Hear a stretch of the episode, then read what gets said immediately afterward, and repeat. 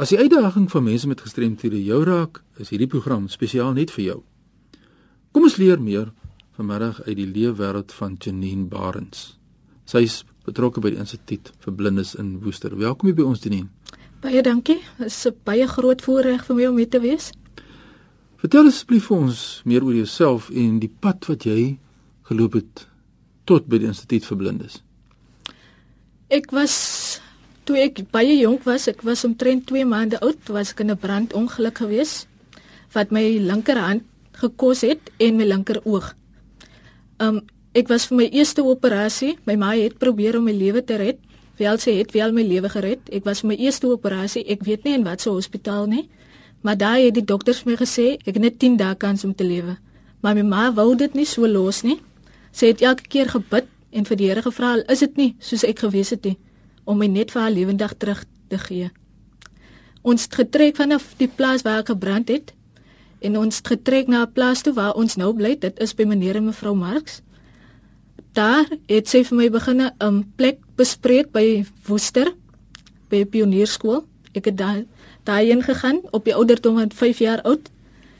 Ek was omtrent seker vir 2, 3 dae was ek in die kleuterklas en hulle het gesê ek is te slim vir die kleuterklas, toe het hulle my oorgeplaas na graad 1 toe. Daar glo ek het hulle moes hulle moeg op 'n stadium moeg geraak het vir my en hulle het dadelik begin 'n afspraak maak by Rooikruis en ek het verskeie operasies ondergegaan wat hulle verskeie tipe um kere aan my gewerk het, aan my gesny het, tissue expanders en daai tipe van goed. En ek was by pionierskool tot op die ouderdom van 18 jaar oud. Toe het ek my loopbaan skoolloopbaan klaar gemaak en ek het instituut toe gekom waar ek by Huisbrewes gewerk het vir 3 jaar en op die oomblik is ek 'n winkelassistent. Nou, as ek nou luister wat jy sê, jy praat oor die die boodskap wat jou familie nog gekry het rondom jouself en die lewensverwagting, dit verskriklike stelling wat daar gemaak is op daardie stadium. Maar as jy mens nou kyk, as jy nou terugkyk in jou lewe van daar tot na jy nou by die instituut vir blindes is en wat jy nou doen, uh, wat is jou grootste uitdagings as jy een of twee kan uitlig vir ons? Um vir my persoonlik ek is iemand wat kop eerste in enige uitdaging ingaan. Ek gaan nie sê ek kan nie 'n ding doen nie. Because why um soos nou ek wat okay, my grootste uitdaging nou is op die oomblik om te gaan studeer sonder hande because want ek het onlangs het ek my hand beseer, ek het 'n beentjie in my hand gebreek, so ek neem aan dis my grootste uitdaging op die oomblik.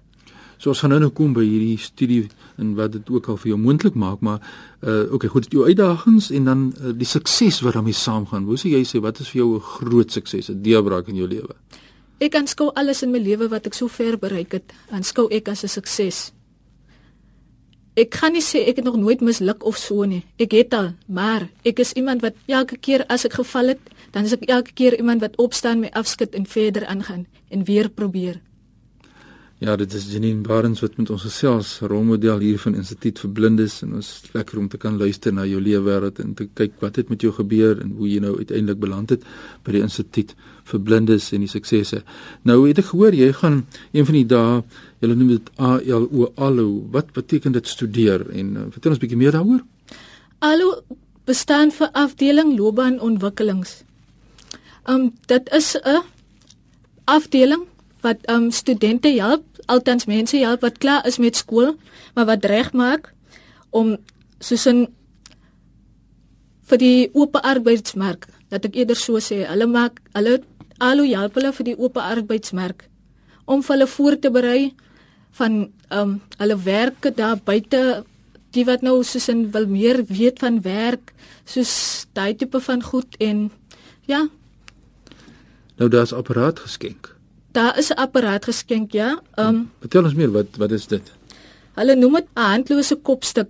Die instituut het aan almal verduidelik dat ek baie graag wil gaan studeer by ALO en hulle het briewe en goed uitgestuur en daar was binne plus minus 'n week was daar genoeg geld ingesamel om vir my die kopstuk te kan koop. Want met die kopstuk is dit vir my maklik, baie maklik om soos 'n ehm um, praat op die telefoon en te kan hanteer die skakelbord se transformasies te kan hanteer en daai tipe van goed. Dis kom hulle vir my die kopstuk gekry het. Nou het jy gevoel toe jy hierdie kopstuk ontvang, jy weet, het soveel uitdagings al gehad deur jou lewe, maar hierdie spesifieke kopstuk dan hoe dit gevoel? Man, daar was 'n blydskap in my. Ek kan dit regtig net nie beskryf, maar ek is ek was bly en ek was dankbaar aan die een kant. So dit was 'n mengery van al twee. Lekker om na jou lewe te luister, Janine. Uh, sy is betrokke daar by die Instituut vir Blindes en ook wonderlik om instansies te hê wat die infrastrukture skep vir mense met gestremthede. So ek weet nie wat u kennis is van die Instituut vir Blindes daar in Woester nie, maar asseblief moenie daar verbyry nie. Ek kan getuig die instituut maak 'n groot verskil in die lewe wêreld van baie baie mense. Nou ons hoor nou hierdie apparaat wat geskenk is aan jou en hoe sou jy sê uh, wat jy nou tans doen uh, in die praktyk, hoe sal dit nou dit verbeter hierdie opleiding wat jy nou gaan kry en hoe sal dit verander aan die pad vorentoe? Um ek was 'n voltydse werker by die Instituut vir Blindes, maar nou gaan my studies my voltyds besig hou. En in die toekoms as ek nou klaar is met my studies, wil ek baie graag my prakties verder vat. Met my telefonie en my skakelbordopleiding wil ek baie graag verder vat. Nou ja, en dit bring dit dan by drome en toekomsplanne. Deel met ons, wat sien jy in die toekoms vir jouself? My toekomsdrome op die oomblik het ek drie toekomsdrome. My eerste droom is om baie graag eendag my dans en sing verder te vat. Dit is maar net iets wat ek persoonlik baie geniet. Um Hulle sê ek het 'n passie daarvoor. Baie van my vriende sê ek is goed met dans, ek is goed met sing en dis iets wat ek baie graag wil verder vat. En dan my tweede droom is ek wil eendag so graag baie graag 'n motor kan wil bestuur. En laastens en dit is seker nou maar my grootste droom op die oomblik is om as ek klaar is met my studies om dit op 'n aflosbasis by die instituut wil ek dit weer um uitoefen by ons skakelbord by die instituut vir blinde self daagliks werksgeleenthede daar. Ja. Nou ja, as mens kyk nou wat jy sê, ons praat van dans is kultuur aangeleentheid, maar daar's soveel organisasies ook in Suid-Afrika wat ondersteuning bied aan mense met gestremthede in hierdie verband. So ek hoop u luister en kom na vore asseblief en dan kyk ons hoe ons dalk vir jou kan ondersteun Janine in daardie verband om daai droom waar te maak. Natuurlik die bestuur van 'n motor is ook nie meer 'n onoorkombare uitdaging nie. Daar is ook strukture sodat evaluasies wat gedoen kan word. So asseblief kom na vore, miskien kan 'n mens daar die ondersteuning gee. Natuurlik in die werk wat nou jy sê wat so ook vir jou so belangrik is. En ek kyk die ondersteuningsbasis wat jy nou kry by die instituut en die opleiding en die geleenthede en die skenking van hierdie apparaat, is dit vir my so lekker om te sien as die deure oop begin gaan vir ons mense met gestremthede. Hoe sosialiseer jy? Hou jy van mense? Wat doen jy vir 'n op daardie vlak, jou sosialiseringsvlak? Uh my sosialiseringsvlak, ek is baie ek voel baie welkom as ek tussen mense is. As ek alleen is, dan voel ek ek weet nie hoe om dit te sê nie, maar ek voel net baie alleen. Vir my ek is goed om met mense um te kommunikeer. My baie mense um Ek het baie vriende ook, laat ek eerder so sê. Ek weet nou nie hoe om dit te stel nie.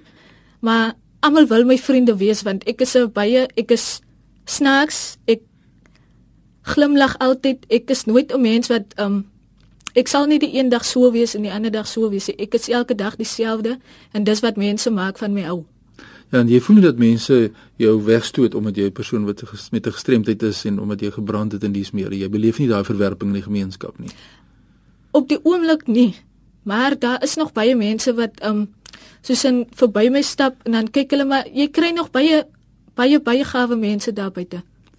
En jy het nou net nou vir my gesê terwyl ons hier buite was waar jy woon. Jy woon in 'n woonstel daar by die Ek woon in 'n woonstel ja, dis AS Kronje woonstelle. Um ons is 3 in 'n woonstel.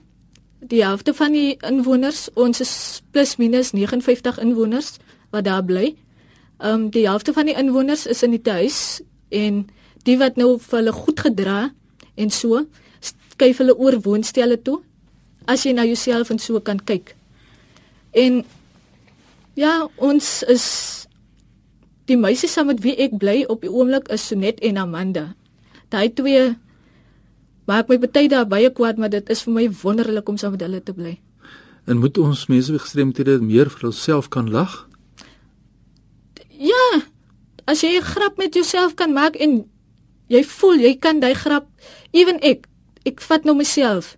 Mense kan grappe met my maak. Hulle kan vir my sê, "Ja, ek lyk soos 'n ek weet nie wat nie. Ek gaan lag daaroor." Nou ja, dit is die ingesteldheid wat ons met hier oor die lewe en dit is die mening van Janine Barends. Ek gaan ook 'n fotootjie van ons twee hier in die ateljee op uh, die webtuiste plaas en op die Facebook sodat jy kan sien hoe lekker dit ons twee gesels hier in die ateljee van RSG en die onderwerp natuurlik die bemagtiging van mense met gestremthede en ook erkenning te gee aan individue self soos jy wat nou rolmodel is, maar ook aan instansies soos die instituut vir blindes daar in Woester wat soveel doen om mense met gestremthede 'n tweede geleentheid in die lewe te kan gee.